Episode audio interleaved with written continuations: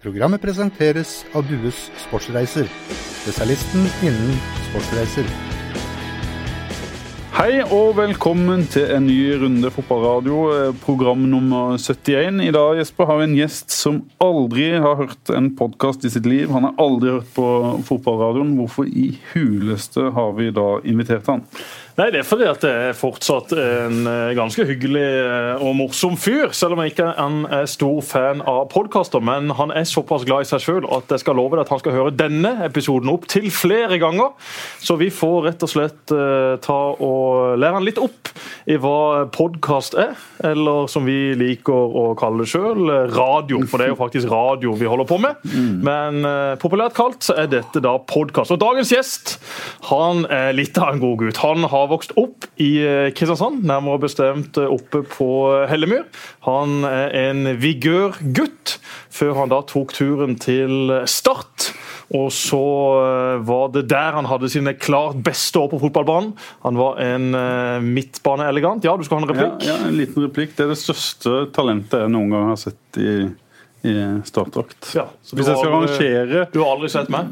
Jo, det har jeg. Men okay. jeg syns det var en som var et enda større talent først. Eh, på en måte, Det første inntrykket jeg fikk av denne spilleren, er det beste Akkurat. jeg noen gang har fått av en ung Akkurat. Eh, spiller i Start. Ja. Ja. Men, du var, men eh, jeg, jeg begynte, det skal sies at jeg begynte å jobbe med Start i 2007. Da var du Ja, da var jeg jo gammel.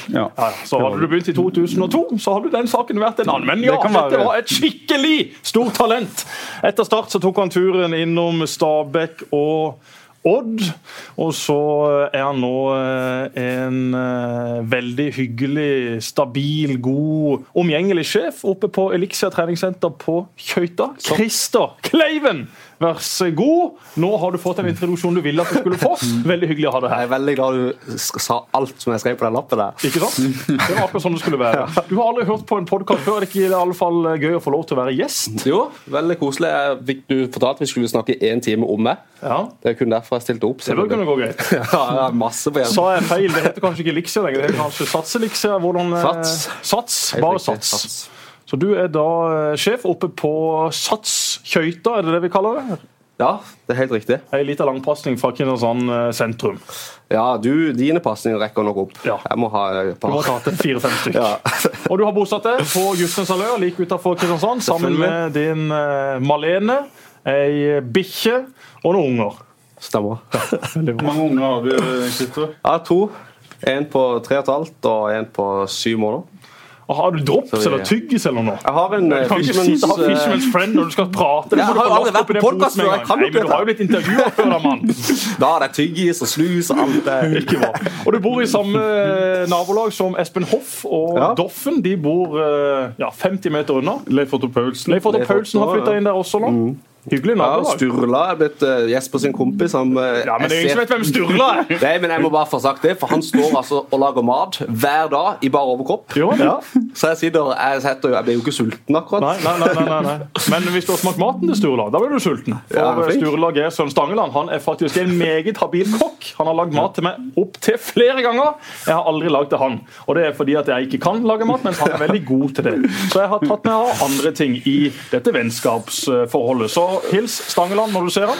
Og så lurer vi jo mer på hvordan det går med Doffen og Hoff og Paulsen. Er de ute og trimmer? Har de funnet fram tightsen? Det har iallfall du! Ja. For jeg sitter joggende i skauen og langs veien opptil flere ganger i tights! Ja, i tights! Er det sånn at du må begynne å gå med tights fordi at du jobber på et treningssenter? Nei, men Jeg liker jo å vise meg frem, da. Det vet jeg du gjør. Men jeg må innrømme at jeg er jo litt skuffa, for vi har jo meg og Hoff og Doffen og Leif, vi har jo alle barn. Så for meg så er det jo vanlig hjem etter barnehagen, middag, ut og leke ikke sant, på banen. Ja. Og jeg går forbi den ruta, alle husene hver dag. De er alltid inne. Hver dag. Jeg fatter ikke. Ja, jeg er veldig skuffende. Jeg står og vinker til Leif der. Han står bare og vinker ned. Jeg, aldri, jeg skal ikke ut i den kulda her. Og... Det er for dårlig. Det, det er for dårlig. Det må vi få gjort noe med. Men uh, for å ta det og vise seg fram, også bare for å ta den med en gang. Det er mange lyttere som har sendt inn spørsmål til oss uh, i dag. og Dette nakenløpet over Varadbrua, ble det noen gang gjennomført? Du, det ble gjennomført. Det gjorde det. Eh, Sammen ble... med Knut Henrik Haraldsen. Stemmer det. Han var veldig stressa. Fordi at eh, det hevdes at Du har ikke snakka så mye om dette i etterkant. og Det var fordi at du har påstått at du var redd for at Henry Haraldsen skulle miste advokatbevilgninga si hvis noen fikk vite om dette. Stemmer det? Ja, det var nesten riktig. Ja. Men det som er riktig, det er vi var faktisk hele laget. Vi var på fest i, eh, var vel på byen og skulle på nachspiel til Hunter Freeman, ja. som bodde rett over broa. Ja. Bamsebraka. Ja. Og så prøvde jo jeg, Dette var etter sesong, så jeg prøvde å få med meg gutta. Ja. Jesper, eh, du vet ikke husker jeg var, jeg var ikke på den nachspielet. Jeg var ikke på den festen heller. Var det et veddemål i utgangspunktet, eller? Det var hvis du skåra ti mål. Ja, det var ti mål. Ja, Vi må forklare hele historien. Ja, selvfølgelig. Bakgrunnen. selvfølgelig. Det er viktig journalistisk, eh, Pål. Ja. La oss gjøre det først. Hva var storyen? Nei, hva var det for noe? Det var, jeg skulle skåre ti av en eh, veddemål med en kompis. Jeg skulle skåre ti mål i løpet av sesongen.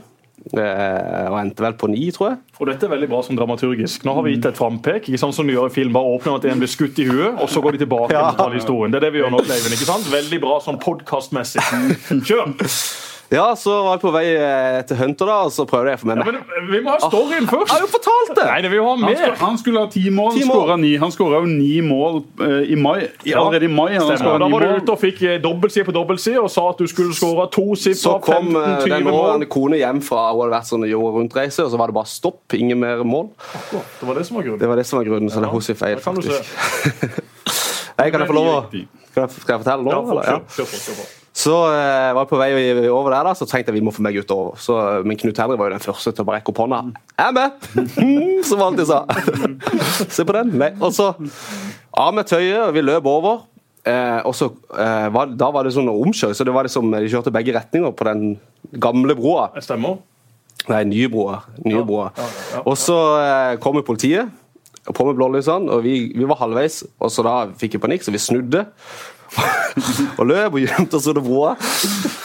Så satt jeg, glemmer aldri det synet, jeg satt ved siden av Knut Henry, og han er ganske lang, bak en busk. sa han jeg kan ikke bli tatt. Jeg skal bli uh, jurist eller et eller annet. Jeg får, mist, jeg får ikke jobben. Ja, det er helt sant. Og det var fantastisk. Så historien stemmer faktisk. Ja, det stemmer. Det stemmer. Han var stressa. Han var dødsstressa. Tenk å få det på rullebladet. Også det gøye er jo at eh, ikke så lenge etter så var pappa eh, eh faktisk på eh, Randesund, eller hva det var for noe, politi, eh, ja, et eller annet, politistasjonen. Og så, eh, så, spurte han det, og så at det heter Tore Kleiven, da, min far. Så du, er det din sønn som heter Christer Kleiven? Ja, har han løpt over broa nå? Så han, ja, jeg tror han løp, var på noen festgreier forrige helg. Ja, det var jeg som prøvde å ta dem. Det var veldig gøy. Yes, så kan, eh, han kan bekrefte det, politimannen kan bekrefte det. jeg løp over halvveis over. Veldig bra. Og så bare for å ta det også, da, Tore Kleiven må vi jo snakke et par om. Faren til Christer er en legende for alle oss som kjenner han. Han eh, har jo gjort at Christer og Ruben Kleiven, som er broren til Christer, han kommer vi også tilbake til, men at de har en veldig direkte og høylytt måte å snakke til folk på. Tore Kleiven kan du møte midt i julestria nedover marken. Så hvis han går på andre sida og jeg går på da motsatt, så kan han rope over i Mathisen! Er det blitt noen damer i det siste? Eh, han sier ikke akkurat damer, han bruker ord som er litt røffere enn det, men det skal vi ikke bruke i denne podkasten. Og jeg fikk faktisk kjeft av Roy Emanuelsen eh, i går fordi at jeg hadde sagt et stygt ord i sist podkast. Jeg legger meg veldig flat. Roy og alle andre som ble støtt av det. Det var en beskrivelse av noe, Jesper. Ja, det var det. det, var det. Men eh, vi skal ikke banne på det på den måten. Men Tore Kleiven, da. Tilbake igjen til han. Norges sterkeste mann. Ja, for mange år siden så var han det i benkpress. Ja, Hva var det for noe, da? Han har pratet så mye om det, jeg har aldri hørt det etter. egentlig, Men det er jo, eh, jeg tror det er en sånn eh, samla sum av benk, eh, mark og knebøy. Ja. Ja. Men, styrkeløft, rett og slett. han, var en sterk, altså. han var en sterk mann. Han var en sterk mann. Levende legende og vært en viktig mann for både deg og broderen i deres karriere. Absolutt. absolutt. Han har alltid vært en, altså, han har jo alltid vært trener og sånne ting. sånn man hører jo alltid folk som har spilt mye fotball, det er alltid en far eller et eller annet som har stått bak. Og det har han absolutt vært. Så må vi snakke også kjapt om Ruben Kleven, for det kan godt være at det er noen som hører på denne podkasten som uh, har hørt om han. Han er da to år eldre enn det, ett år eldre enn meg og veldig mange år yngre enn Pål. Han spilte da i Vigør, og så gikk han til Start. Og var jo relativt nære å få et eh, gjennombrudd på, på A-laget, men det stoppa litt opp. Fikk aldri det gjennombruddet på, på seniornivå i Start eller i andre toppklubber.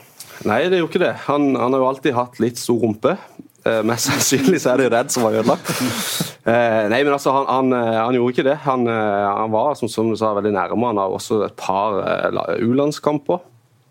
Men det er jo ofte sånn det er med, med altså Det er veldig mange som er veldig nærme og sikkert føler at Hvorfor fikk ikke jeg sjansen og sånn, men, eh, men som Vegard Forhen-kopi? Ruben ja, Kleiven? Ja. På, på Vegard Forhen, faktisk. Veldig god med ballen. Eh, fantastisk venstrebein. Eh, Mangler litt fart.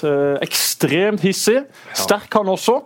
Og i dag sjef oppe på Hellemyr hos Vigør. Stemmer.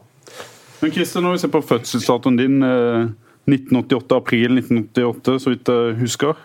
29 år. Og så et stort talent, spilt masse i Eliteserien, og så helt uh, vekk. Eh, hva skjedde? hva skjedde? Nei, si det. Eh, altså, jeg er jo alltid Malene kom hjem. Malene kom hjem og alt. Eh, var gift, to barn, bikkje Hvis du skulle sett deg sjøl som 29-åring, som 18-åring, så hadde du vel ja. tenkt at du kanskje spilte i en god klubb, enten i Norge eller kanskje til og med Europa? Ja, helt garantert. Jeg har jo alltid tenkt det at eh, jeg skal bli sånn som Bård Borgersen, egentlig, som bare, selv om jeg ikke egentlig er god nok, skal jeg bare holde på gående så lenge som mulig.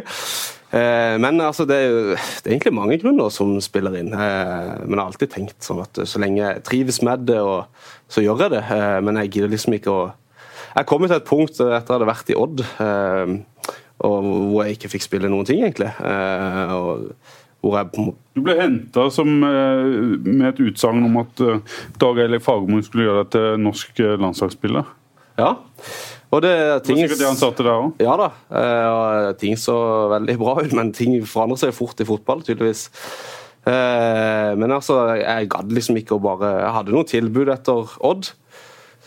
Men jeg gadd liksom ikke å bare gjøre det for å leve av fotballen. Eh, det, det, var liksom ikke spennende nok. Og så, så hadde vi fått barn, og så hadde jeg lyst til å flytte hjem, og så ble det sånn. Og Så begynte du å jobbe i Strømmes reklame, men litt mer om, om, karrieren din eh, først. Er det sånn at du ikke har planlagt eh, langt frem i tid og bare tatt ting litt som det kommer på sparket og gjort det du har lyst til? Er det det som på en måte er grunnen til at du sitter her nå og jobber på Sats og ikke er fotballspiller? Ja, helt garantert. Jeg har alltid levd i nu og gjort det jeg egentlig har trivdes med. Eh, og aldri sett meg så mye tilbake egentlig på det. altså... Eh, av og til så kjenner jeg det når det kribler jo litt. og det er jo alltid Når jeg treffer Jesper og andre gutter jeg har spilt med, så kjenner jeg jo at ah, det, var en, det, var en, veldig gøy tid. Eh, men sånn er det. Eh, det er annet liv nå med familie og barn, og så har jeg en fantastisk jobb. Eh, så hvis du ønsker å begynne å trene, så må du komme til Christer eh, på Sats Akorama fra 1.1. ja. Så nei, jeg har det, jeg trives veldig greit. Du, Fortell litt om uh, gjennombruddet ditt. Hva du husker fra det? Jeg sa jo i stad at det, det, er nok det største talentet jeg har sett på, um, på som ung gutt. Som 17-åring tror jeg første gang jeg så Christer på Gran Canaria. Da kanskje du til og med var 18. Og blåste vel omtrent alle av banen. I hvert fall Stig Inge Bjørneby, som bare kom og hentet oss etterpå og sa ikke, ikke bygg forventninger nå. Jeg vet dere har sett det jeg har sett, men uh, slapp av. Eh, hva husker du fra den perioden, Christer? Nei, altså, altså, jeg husker Det var jo kjempegøy. Det var jo selvfølgelig stort. og så og være med å spille med altså, Fredrik og Fredrik Strømstad og Kristoffer og Estad og alle disse her som man har sett opp til. Så det var jo kjempegøy. Det er egentlig bare sånn jeg husker det. Så husker du det, Jesper? Nei, Vi var jo en eh, gjeng. Christer er født i samme kull som Espen Børufsen, så de to var 88, med og Morten Hestad og Elma Bjarnason i sin tid. Vi var, vi var 87, så vi var jo en, eh, en, eh, spennende gjeng som egentlig kom opp eh, litt sammen etter hvert. Christer kom, om, kom opp litt etter meg. Jeg spilte egentlig mest med broren til Christer Ruben da, på guttelaget til Start og i Start 2, og vi trente mye med A-laget. og så møtte vi jo Vigør i flere kamper med, med, guttelaget vårt. og Da spilte jo Christer der, og da var jo han den lille drittungen. For han var litt mindre enn oss andre. Og så hadde han en fantastisk teknikk, enorm løpskraft.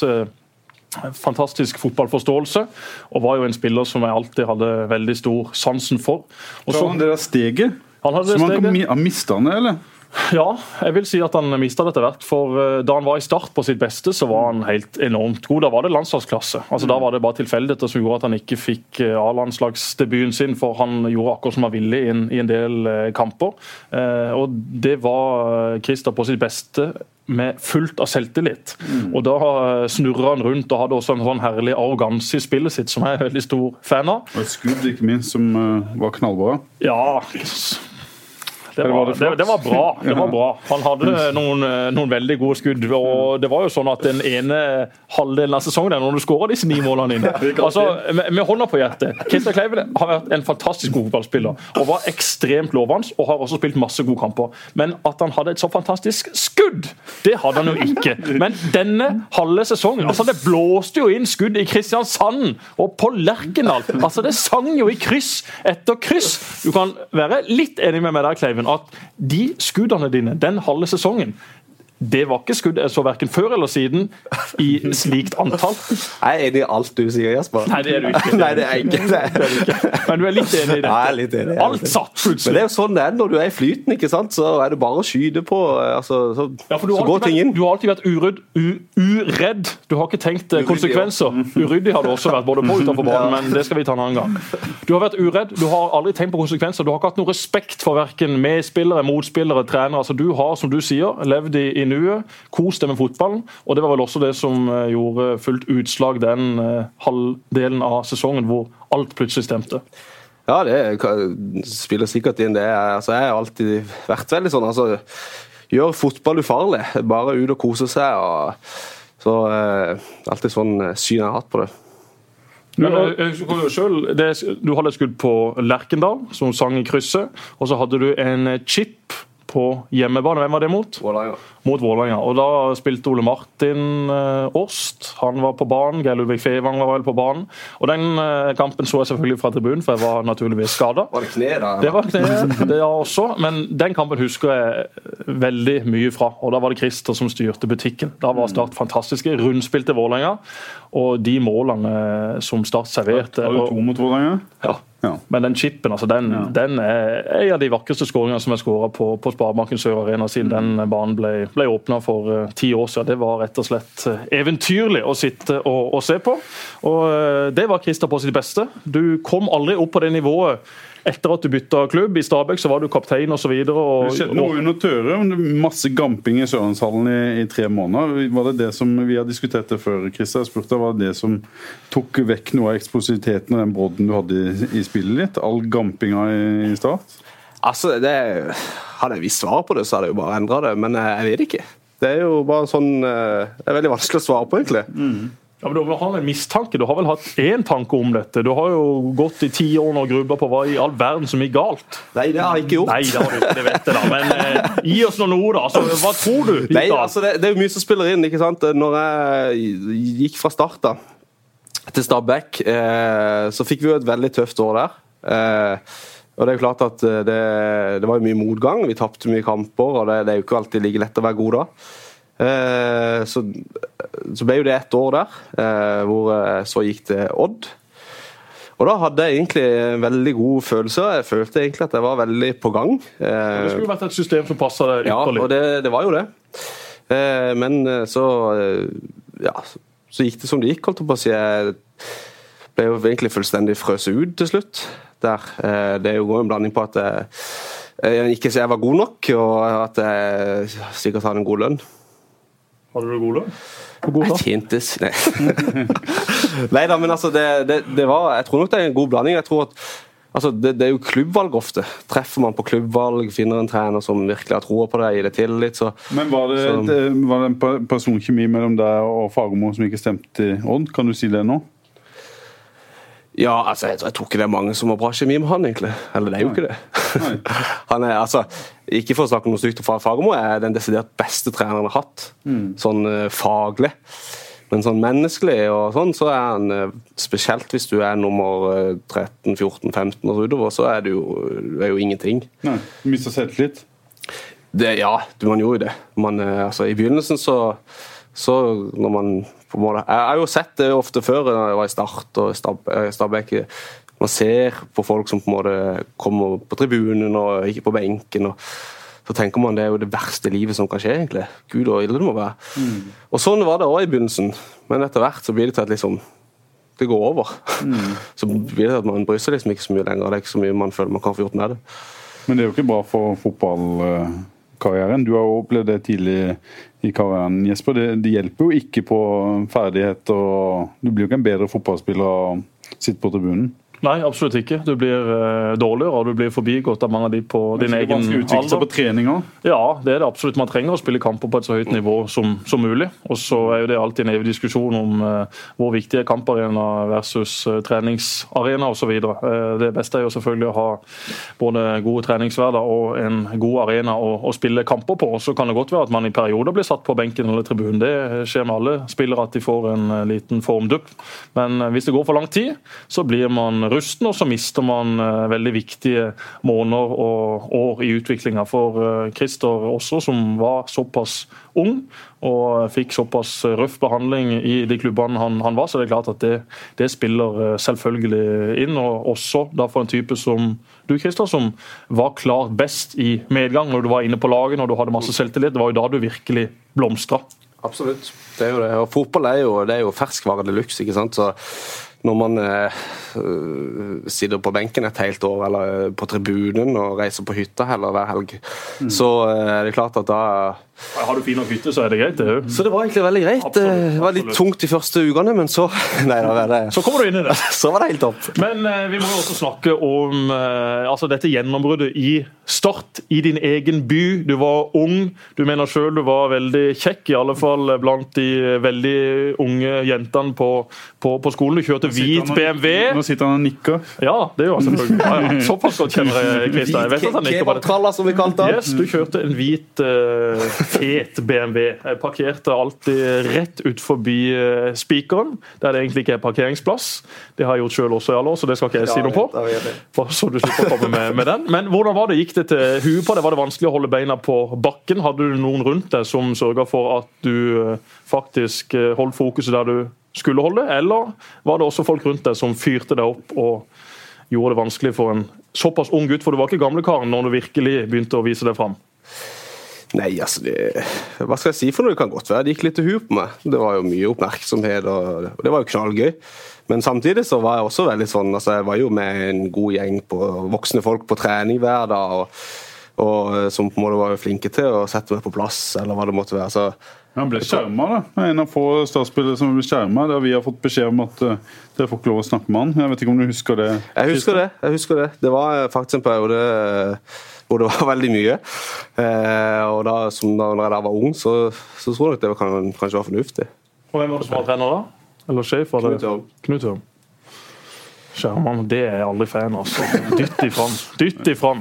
Jeg traff forresten eh, Starts nye venstre back slash wingback i går. Elliot Kjekk. Eh, det etternavnet Christer alltid har drømt om å ha hatt. Eh, han eh, fortalte jo mye, han, men bl.a. at han har spilt to år med Kenneth Høie i Djurgården. Høie selger jo nå biler der borte i Stockholm, og det gjør han selvfølgelig veldig bra. Og Elliot fortalte det at selv om han aldri hadde hatt interesse for bil, selv om han aldri hadde kjørt en kul bil, så snakka Høie bil med han hver eneste dag. Og Det er den Høie vi også kjenner, Christer. At han ble bilselger, det var en lav oddser.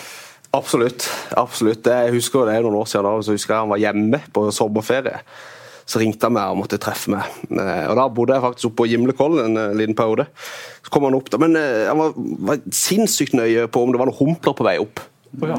Så jeg, altså, jeg, jeg tenker ikke over det. Så måtte jeg gå gjennom, så, så sa jeg én som, så klarte han å krige seg opp. Så kom han opp med den sykeste Audi R8-en, vet du, og det hele nabolaget kommer ut for det brummer så mye. Så kommer han ut med den der snusleppa si og bare dødsfornøyd med den der sølvgrå bilen sin. Han har verdens største snuslepp enda. Og etter hans siste kamp i Djurgården så kasta jo fansen eh, snusbokser etter han. Det kom vel 600-700 eh, snusbokser. Eh, ett et års forbruk for, for Høye. Røft, røft Men vi har spilt med mye kule mennesker. Da. Hvem er det du husker best? Husker du noen episoder bedre enn bedre enn andre? Ja, det er jo det. Altså, Bernt Hulsgaard er jo bare, jeg har jo uendelig med gøye ting med han. Men den største episoden det er jo uten tvil eh, hjemme mot uh, Sandnes Ulf, når uh, jeg spilte sentral midtbane i noen minutter sammen med Myggen. Ja. Det var jo dritkult. Det var elektrisk. Det var elektrisk. Så det, Begge dere to var på banen i den uh, kampen? Ja. Jeg har aldri vunnet noe som helst, men jeg var i alle fall på banen da Myggen gjorde comeback foran et relativt fullsatt Sør Arena. Det var stort, og jeg får frysninger den dag i dag. Tenk det! At Messias skulle vende tilbake, det var stort. Du hadde noen kamper med han, eh, Christer? Ja, jeg hadde det. Åssen var det? Nei, det, altså det, det, er jo rart med det, selv, altså selv med Myggen, som har vært mitt eh, ja, alles store idol. Men eh, så blir det liksom Du er vant til det. Men det er klart at av og til klyper det litt i armen tenker du det er jo dritkult å sitte ved siden av han i garderoben og spille sentral med han og sånne ting. Så det, nei, det var veldig, veldig stort. Du, Den gode perioden din når du slo igjennom, så var det jo Vi skrev om franske klubber og litt interesse utenfra. og sånne ting. Hvor reelt var de tingene der? Hvor nærme var du å, å kunne hoppe på noe større? Altså, jeg, jeg, vet at eh, de, Auxerre, det var vel det dere skrev om, tror jeg. De, jeg vet at de var på tribunen noen ganger. Men altså det har, Du fikk aldri noe sånn eh, tilbud om det ene eller det andre? Nei. Nei. Det gjorde jeg ikke. Jeg hadde, det er jo egentlig litt gøy historie. Ja, da må vi jo faen en Skal vi ta imot alle gøye historier? Ja, jeg, jeg, jeg, jeg, er ikke så gøy. Jeg jeg bygde det veldig opp. Da må det bygges. Da må det bygges. Men jeg var, eh, altså når jeg gikk fra start, så var jeg altså i Randers. Og hadde kontraktsforslag. Alt var klart. Uh, og til og med de hadde en egen gate der nede. Som var oppkalt etter det? Nei, som heter Christer som, uh, som, de hadde uh, fullt av hus i.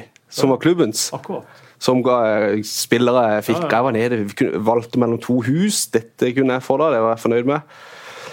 Og så var det litt endringer under kontrakt og noen greier. Dette var på en eh, fredag, så på, i løpet av lørdag og søndag så skulle jeg få det tilsendt. Eh, det, og så skulle jeg bare signere, skanne, og så egentlig alt klart. Hørte ingenting. Og så kom jo om onsdagen og uka etter, så ser jeg Elmar Bjarnason signert for Anders. Så ringer vi han. Faren til Bjarne, eller faren til Elmar, som vi kjenner. Ja, Han bor jo i Kristiansand? Stemmer. stemmer. Eh, og så, hva skjer? Nei, han har fått en bra kontrakt nå. Han har flytta inn i det og det huset. Hva faen, det skulle jeg ha! det var en konge. Det var gøy. Så ble, de, de, fikk Elmar, og så ja, vi Christer, vi tar Elmar. og Vi må jo snakke litt om Elmar også, da, fordi at uh, Christer var jo vigør da vi var eh, på disse guttelagene våre. Han spilte da i vigør sammen med Steffen Hagen. Eh, Mikael Bekke, som har spilt på, på, høyt nivå, og som nå er trener borte i Lura, Lura IL. Han og Øystein Elvestad, to hedersmenn og to flinke fotballtrenere der.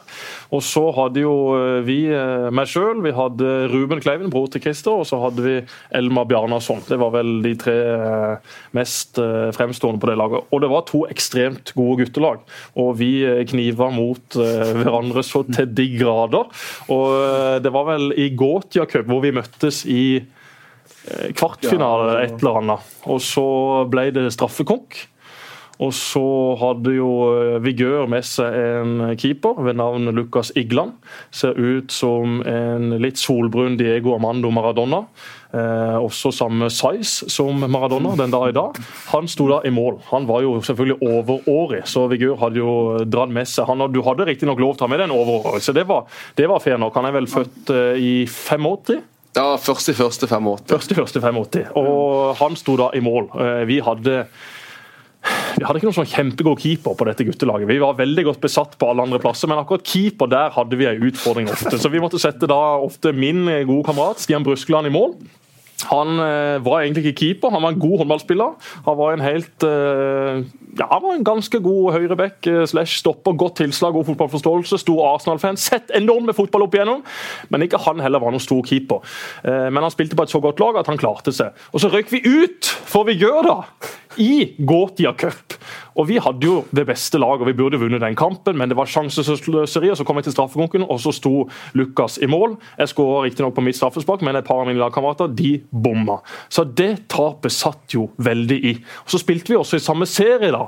Husker og, du den kampen? Jeg husker det veldig godt. Jeg skåret faktisk mål i den kampen òg. Det gjorde du. Ja. Og jeg husker Ruben skulle rundt og elte det og sparke det og banna og steike. Han har fått kloa i det. Så hadde både du han røka på han. Ja, ja. og så tapte vi den kampen i går til Cup. Men vi spilte jo også i samme serie, da Vigør og Start. Og eh, da kommer jo kampen som det snakkes om den dag i dag for alle involverte, inkludert de som var der ute fra Vigør. Da var det Dønnestad som var kamparenaen. Eh, Vigør kom ut høye og mørke, fulle av selvtillit, og trodde at de var Hiring for your small business? If you're not looking for professionals on LinkedIn, you're looking in the wrong place. That's like looking for your car keys in a fish tank. LinkedIn helps you hire professionals you can't find anywhere else, even those who aren't actively searching for a new job but might be open to the perfect role. In a given month, over 70% of LinkedIn users don't even visit other leading job sites. So start looking in the right place. With LinkedIn, you can hire professionals like a professional. Post your free job on linkedin.com slash people today. King Kong, og så kan vel Kleiven ta resten av historien. Så vant jeg 10-0. Yes, det gjorde vi. Men det som var det viktig å si her, det er at vi vant serien. Ja. Vi hadde altså én dårlig kamp det året, der, vi tapte 10-0. Ja. Det, det serien. Og det skåra vel tre eller fire mål. Eh, vi var altså enormt gode, og denne kampen ble filma av en god kompis av faren til Elmar Bjarnason. Så denne kampen har jo vi sett opp og ned i mente mange ganger i ettertid. Nå er dessverre teipen forsvunnet, så vi har ikke sett den på et par år. Men minnene de lever friskt eh, helt der oppe i hodet. Og Vigør stilte med sitt beste lag, sitt fulle lag. Steffen Hagen, Mikael Bekke, Christer Kleiven. Altså, De så ut som statister! 10-0. Vet du hva? Ta det seriemesterskapet fordi at dere slo Grane og Trauma og alle de lagene i Aust-Agder. Vi tapte for de lagene fordi at vi i de kampene hadde en helt helt ubrukelig fyr i mål. Og Det var ikke Stian, det var en annen. Han slapp altså inn det ene målet etter det andre på tabber. Derfor tapte vi, fordi vi tapte for Grane og Trauma. Men vi slo dere, og den kampen ja, det er et av mine veldig få høydepunkt eh, denne sesongen. Og Nå viser du meg noe her, Pål. Var i kontraktsforhandlinger med Start. Nå er Fortroen ferdig i Start. Vi må snakke litt om, om Start og det som skal skje. Jeg måtte bare nevne den 10-0-kampen, for ja. det er stort for meg. Følger du med ennå, Christer? Ja, jeg gjør jo det. Hvor, eh, hvor, hvor godt? Hvor uh... Jeg også rangerer med det. Eh, Fra 1 til 10. ikke på fotballradioen. Jeg har ikke hørt ett sekund. Så det er klart du har litt å gå på når det gjelder å med på start. Men du følger med. Går, går, går, hvor mange kamper var du på i fjor, da? Null. Ja. Men jeg så alle kampene. Ja. Du sitter hjemme og ser på TV når ja. vi spiller? Stemmer. Ja. Men neste år kommer du kanskje, eller? Mest sannsynlig gjør det. Eh, nå begynner guttungen å synes det er gøy, så da gjør vi nok det. Og så er Start blitt bedre. Eller de ser ut til å bli bedre, i hvert fall. Ja, det er absolutt. Eh, det blir veldig spennende å se. Nå, eh, altså, Med han treneren så tror jeg det kan bli veldig spennende. Og det, de, har jo, altså, de har jo en verdens, altså Administrasjonen er jo verdensklasse nå, så jeg håper de snart får noen spillere også som er gode nok. Savner du noe på laget? Eh, hva tenker du om sammensetninga av, av stallen sånn den ser ut nå? Altså, Jeg savner jo egentlig eh, altså, tippeligaspillere. Flere tippeligaspillere. Eh, det er klart at det er jo flere som er det allerede, men det, jeg tror nok vi trenger flere. Det er det eh. alle de som har spilt i Start før og som har vært med Jesper, sier det samme. At en, en trenger mer eh, rutine og folk som har spilt i Tippeligaen. Ja, det er jo selvfølgelig eh, en fordel å, å kunne få inn det. Men liksom, norske spillere er dyre. Derfor ser man også ofte til utlandet, for der finnes det billigere spillere som gjerne har et høyere nivå inne hvis man først treffer. og så kan man også tjener godt med, med, med, penger på det. Skal du kjøpe en 7-28-åring fra Eliteserien i dag, ja, så må du han en tre-fire års kontrakt, og så når den kontrakten er ferdig, så er han verdt null og niks, og så har det egentlig bare vært en utgift. Disse nye eierne og Tor Christian Karlsen eh, vet hvilke markeder de skal lete på for å prøve å finne spillere som også kan være en god deal. Og så er jeg helt enig med Christer, det trengs inn noen som vet hva Eliteserien handler om. Og hvis man da kan ha en stamme i laget som består av den type spillere, og type spennende utlendinger slash eh, lokale spillere som ikke helt har prøvd seg på dette nivået i denne ligaen før, så er jo det en veldig spennende eh, miks. Det er vel det de prøver å finne fram til. Så gjenstår det jo å se hva slags spillere som kommer inn, men jeg tror nok også Start er klar over at eh, de helst skal prøve å få inn et par spillere som har levert stabilt i, i Eliteserien før, sånn at ikke alt bare blir nytt på dette nivået. For det kan være fantastiske fotballspillere fra andre ligaer, fra andre kontinent osv., men de skal også vite hva slags eh, type fotball som spilles i Norge, hva slags motstander venter, hvordan spiller de, hva er deres styrker og svakheter. Det å ha noen på banen som også er klar over de tingene, mm. det er selvfølgelig en, en fordel. Det er klart for de unge spillerne også som kommer nå, de som er der nå, og de afrikanerne som kommer. Det er klart at, eh, Husker når vi var i den alderen der, så hadde vi jo eh, Atle Roar Haaland, Bård Borgåsen, Ole Martin, eh, Doffen Fred altså, Det er jo en god miks. som er jo klart de, de setter standarden, så vet de andre hva de skal Men hvis det er for mange av de unge, så, så tror jeg det det blir veldig tøft. Ja, Du må ha noen referansespillere, og du bør gjerne ha flere referansespillere i garderoben, ute på feltet og ikke minst da i kamp. Sånn at uh, de unge som kommer opp, vet hva de skal strekke seg etter, og ikke minst da også de som kommer utenfra som bare merker wow, sånn er det her, dette nivået må vi opp på. Og så uh, blir uh, det en spennende setting. Det er lenge til vinduet stenger, og det er sånn sett en stund til det åpner også. Mm. Så det er nok av tid å, å gjøre det på. Men... men, jeg tror fort vi kan se sånn at det tar litt tid kanskje før en uh, får fatt på de rutinerte. At noen må sette noen staller, og så må Start uh, kanskje vente litt for å, å gjøre fornuftige handler. Jeg tror Start uh, gjør lurt i å ha litt is i magen. For nå har man fått henta inn et par spillere.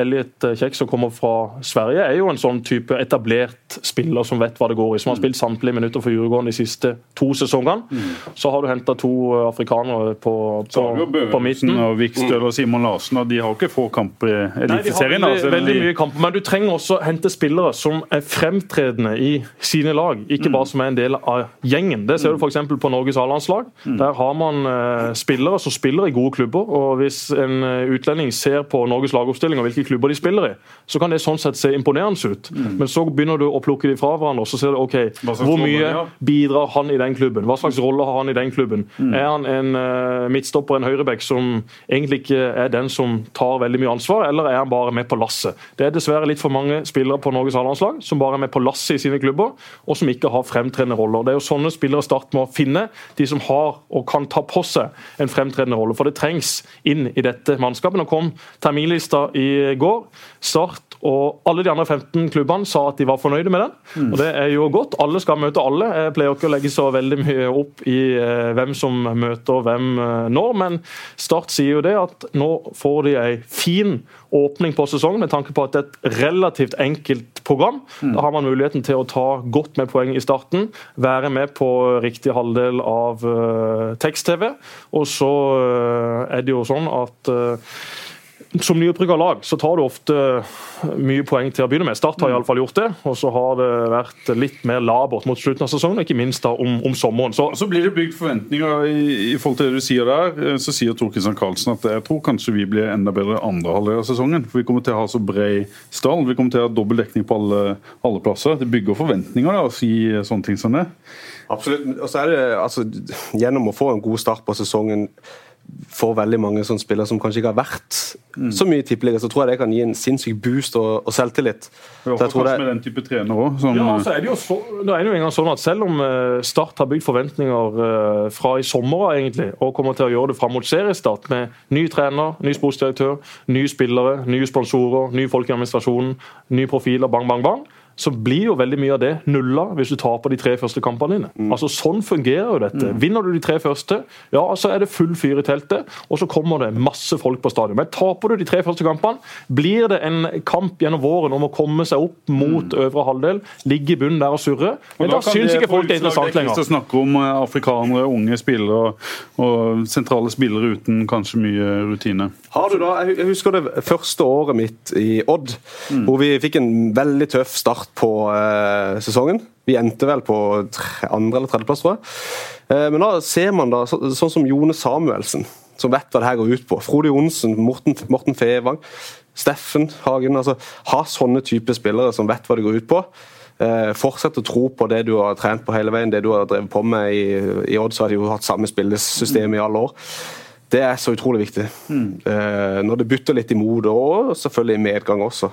Så må vi eh, inn igjen eh, litt i gamle starter. For Mats Stokkelin ble også spurt om han kunne komme her i dag sammen med Christian, men han kunne ikke. For han og sin familie skulle til Zanzibar. Stokkelin-familien de er glad i å reise, de koser seg. En eh, veldig hyggelig gjeng. og Jeg spurte da Stokkelin, som forresten har leid ut et hus på Hånes til Mark Dempsey. Så Mark Dempsey skal bosette seg ute på Hånestangen, et hus som Mats har uh, fått kloa i. Så nå blir Dempsey med hans familie og bor på feil side av Varebroa. Lykke til med det. Men Mats skriver uh, også at Kleiven parkerte i hvert fall ulovlig foran en kirke der han bodde i Oslo i to år, fordi han ikke ville betale for parkering. Stemmer dette? Altså det, ja, det, stemmer ett år, for jeg var jo bare i Oslo ett år. Akkurat. Så rett utenfor, Jeg var veldig heldig der. Gutta vet du, de var så irritert. Vegard, og Vegard eh, Eggen Hedenstad vi bodde rett ved siden av hverandre, så han, han turte aldri å gjøre det. Oh, så han kjørte rundt og rundt i Oslo vet du, og leide etter parkeringsplass. Jeg satt bare rett utenfor. Og det gikk fint? Ikke en eneste bot. Du flytta han på søndager?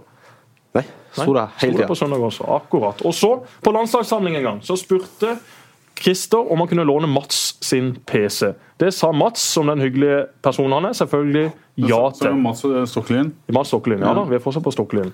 Og så, dagen etter, fant uh, Mats ut at uh, landslagstreneren hadde spurt Christer om han kunne låne PC-en til Christer. Og så hadde Christer sagt ja, du kan bare låne min PC. Og det var da egentlig Mats sin PC. Så Christer hadde bare fremleid denne PC-en. Og hvem var kaptein i kampen etter? Jo, det var Christer Kleiven. Takket være Mats Stokkelin sin PC. Det her kan jeg virkelig ikke huske. Nei, men det husker Mats. Og Mats er mye mer pålitelig. Han skal bli tannlege. Jeg er glad for at ikke du skal bli tannlege. Det var de historiene Stokkelin hadde å komme med. Men jeg har jo sjekka med flere folk, for Christer er jo en gladgutt som har mye gode venner. Og de vennene de vet også å bjuda på. Asbjørn Engedal er en av disse vennene. Han eh, har uh, sendt meg et par uh, linjer. Asbjørn Engedal er faktisk, i motsetning til deg, en veldig ivrig lytter av podkaster. Og han omtaler vår podkast med Frank Stanley som er en av de beste han har hørt noensinne. Så den Christer, den bør du faktisk høre igjennom. For Frank Stanley han leverte virkelig varene. Den historien med Varebrå den har vi tatt, så den går vi forbi. Men Entourage det er jo en TV-serie. Du har sett samtlige episoder over 40 ganger, sier Asbjørn. Oh, ja, Det er ikke langt unna stemmer, altså. og han sier hvis han bare begynner på en setning fra Entourage, så kan du sannsynligvis fullføre. ja, det var en periode jeg kunne det. Hvorfor eh, ses så mange ganger?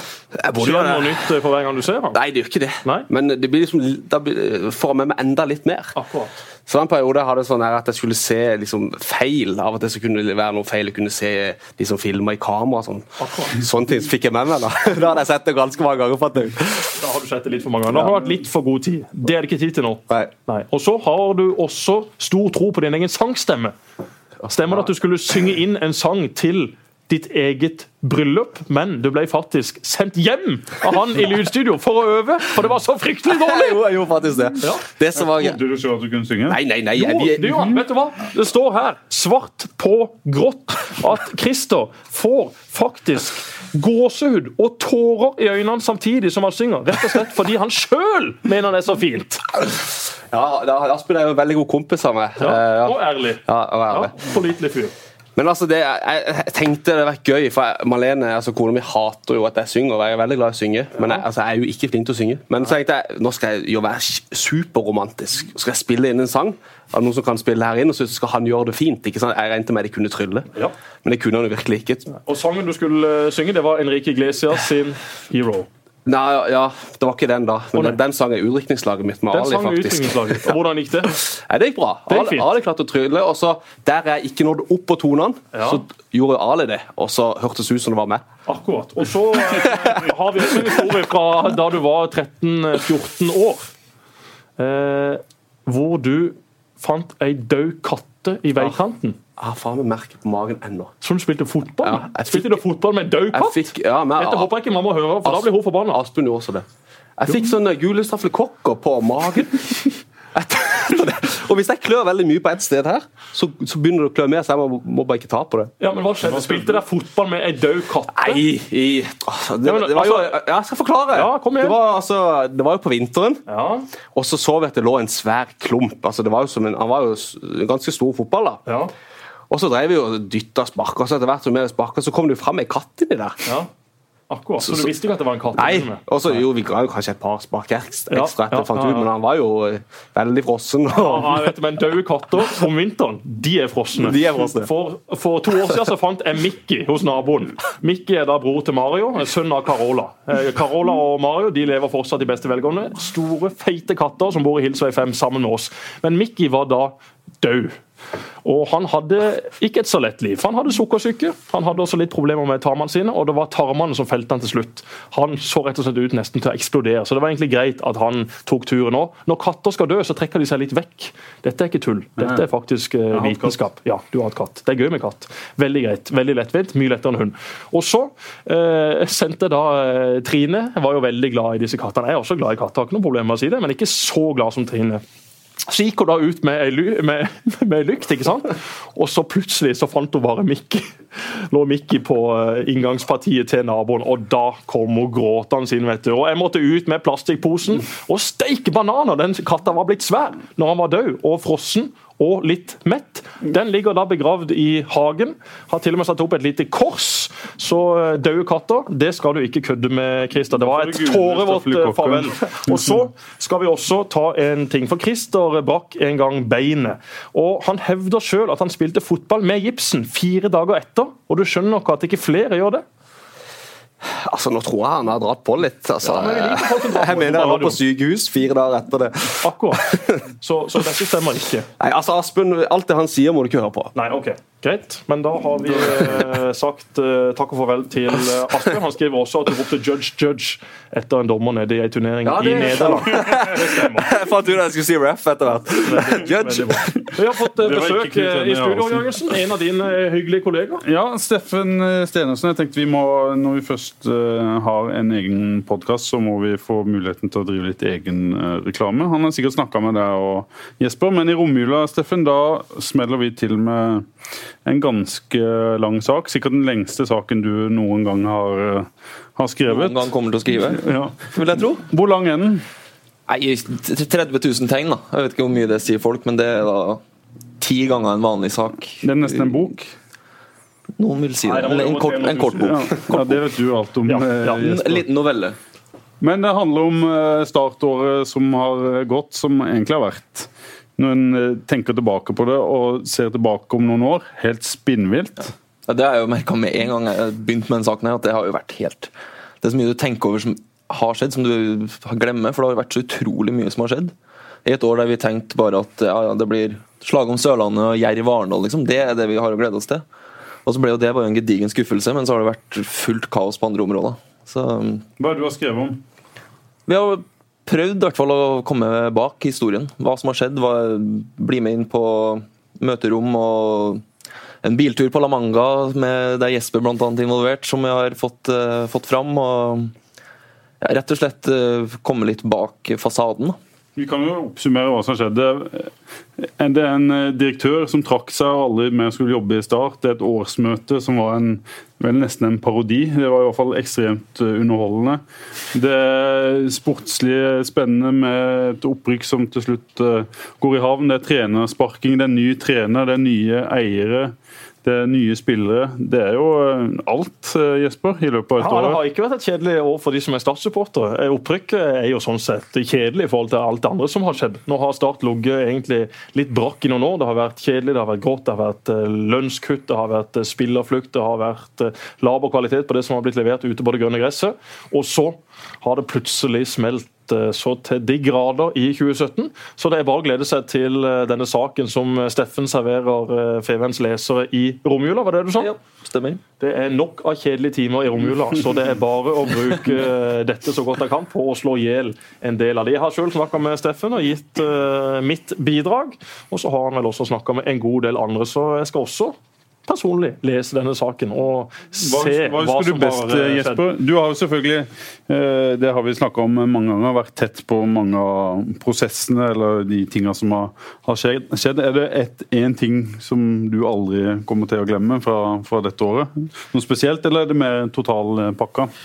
Det er totalpakka, men det er klart at uh, det har jo vært mange episoder som kommer til å bli, bli huska, som kommer til å bli ledd av, og som vi sikkert kunne skrevet flere bøker bøker om bare i 2017. Men denne bilturen som, som Steffen snakker om når Even forklarer hva som gjør at han ikke gidder mer i, i Start, og jeg da for første gang i mitt liv egentlig setter meg inn i hva slags mekanismer og hva slags ting som rår i den klubben jeg alltid har vært så, så glad i. Og, og, I den bilen så var det høy høy, høy temperatur, ikke bare fordi at det var 25 grader på utsida, men det var veldig mye høylytte diskusjoner og uh, samtaler mellom meg og Even. og Så var Roy Emanuelsen også med, og han var da moderator slash ordstyrer. Så uh, den bilturen her var vel egentlig det som utløste det for min del, at jeg klinka til på et årsmøte noen uker uh, seinere. Og etter det årsmøtet så satt jo da Kristoffer Langeland hjemme hos seg sjøl i Tårdalsveien og tenkte at jøss, kanskje timinga er riktig nå. Og så eh, kan dere lese resten av historien hos Steffen. Så kan si at Den bilturen var på en måte katalysatoren for hele det som til slutt eh, gjør det at Start er der i det i dag, da? Ja, egentlig så, så, var det det jeg var nede på La Manga for å følge eh, de beste lagene i Obos i oppkjøring, for å forberede meg til sesongstart. Og så bodde jeg da med Roy og Even i en ja, leilighet slash eh, hus. Og Der var det selvfølgelig mye snakk fra Evens side, for han var veldig frustrert over en del ting i klubben. og når jeg skjønte at det hadde gått så langt at han var på vei til å gi seg, da tenkte jeg jøss, hvordan i all verden skal det da gå med Start? For Even er en mann som har gjort enormt mye bra. En mann som er umulig å erstatte i mine øyne. Og da eh, måtte man rett og slett bare komme seg på dekk, fram med kanonen og dundre løs. Og så var det sikkert ikke alle som likte det, og sikkert ikke alle som liker det den dag i dag. Men eh, det var nå sånn det ble. Vi driver med fotball, vi må ikke være redde for å engasjere oss i det. Og eh, det har vært et eh, eventyr av en sesong, et år. Og så tror jeg bare for Stad-supportere det blir gøyere og gøyere. For nå har det skjedd store omveltninger. Nå skal det bygges et bra sportslig produkt. Og de gutta som har kommet inn, de kommer ikke til å gi seg før det sportslige produktet er så bra som de vil ha det. Hvor bra er det? Nei, De har jo selv sagt at nå skal de etablere seg i Eliteserien, men hvor bra det er? Nei, det er selvfølgelig opp det, å kjempe om medaljer i Eliteserien så fort som mulig. Vipper Rosenborg av pinnen? Det er et uh, godt stykke mål. unna. Men uh, det er klart at uh, veien er ganske kort opp til de fire-fem beste lagene mm. i Norge. Det er ekstremt jevnt. Se på Kristiansund, som endte som nummer syv. Mm. De lå og kjempa om nedrykk, og så vant de tre kamper på slutten, og så var de plutselig nummer syv, og så skulle Kristian Mikkelsen nesten bli årets trener osv. Så, videre. så det er et veldig tett og jevnt. Et par eh, seiersrekker i løpet av en sesong, og du er med og kjemper på øvre halvdel. Så alt er mulig for Start, og det er det jo sånn sett for alle de andre også. Også for Ranheim, Steffen, som er fra dine trakter. Det blir gøy med Ranheim i Eliteserien! Ja, det blir stort. Ranheim stort for en eh, Ranheimsgutt som meg sjøl skal reise opp uh, og få besøke Ranheim en gang til. Trodde det var min eneste mulighet i år. Han får to turer til Trøndelag ja, ja, neste år. Det, er en drøm. Det er en drøm. Send han opp. Mm. Det skal vi se. Jerv skal ikke spille mot noen lag fra Trøndelag, så er det Levanger. Ja. Men det den klarer vi, oss fint uten. Ja. og vi klarer oss nok uten den tette jervdekninga i år i Fjellandsvennen. Det blir fint å få Start opp og slutte å snakke om slaget om Sørlandet. Du, hva skal til, Christer, for at, eh, for at eh, Start tar de stegene? Nei, Det handler jo om å få eh, altså, Jeg føler de er på vei. og Det handler jo, som jeg nevnte i stad, altså få inn Det er jo gode spillere. Og selvfølgelig få satt det i et system. Eh, men Dempsey syns jeg, synes det var helt fantastisk når jeg hørte at det ble han som er trener. Kjenner du noe til han, eller har vært borti han tidligere?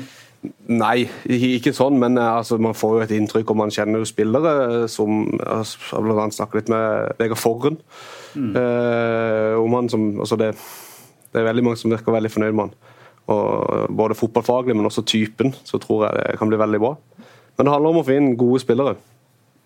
Så Jeg gleder meg til å se at du lager en sak på det, Pål. Ja, ja, men det lager vi på hele tida. Du må begynne å lese FVN nå, eh, Christer.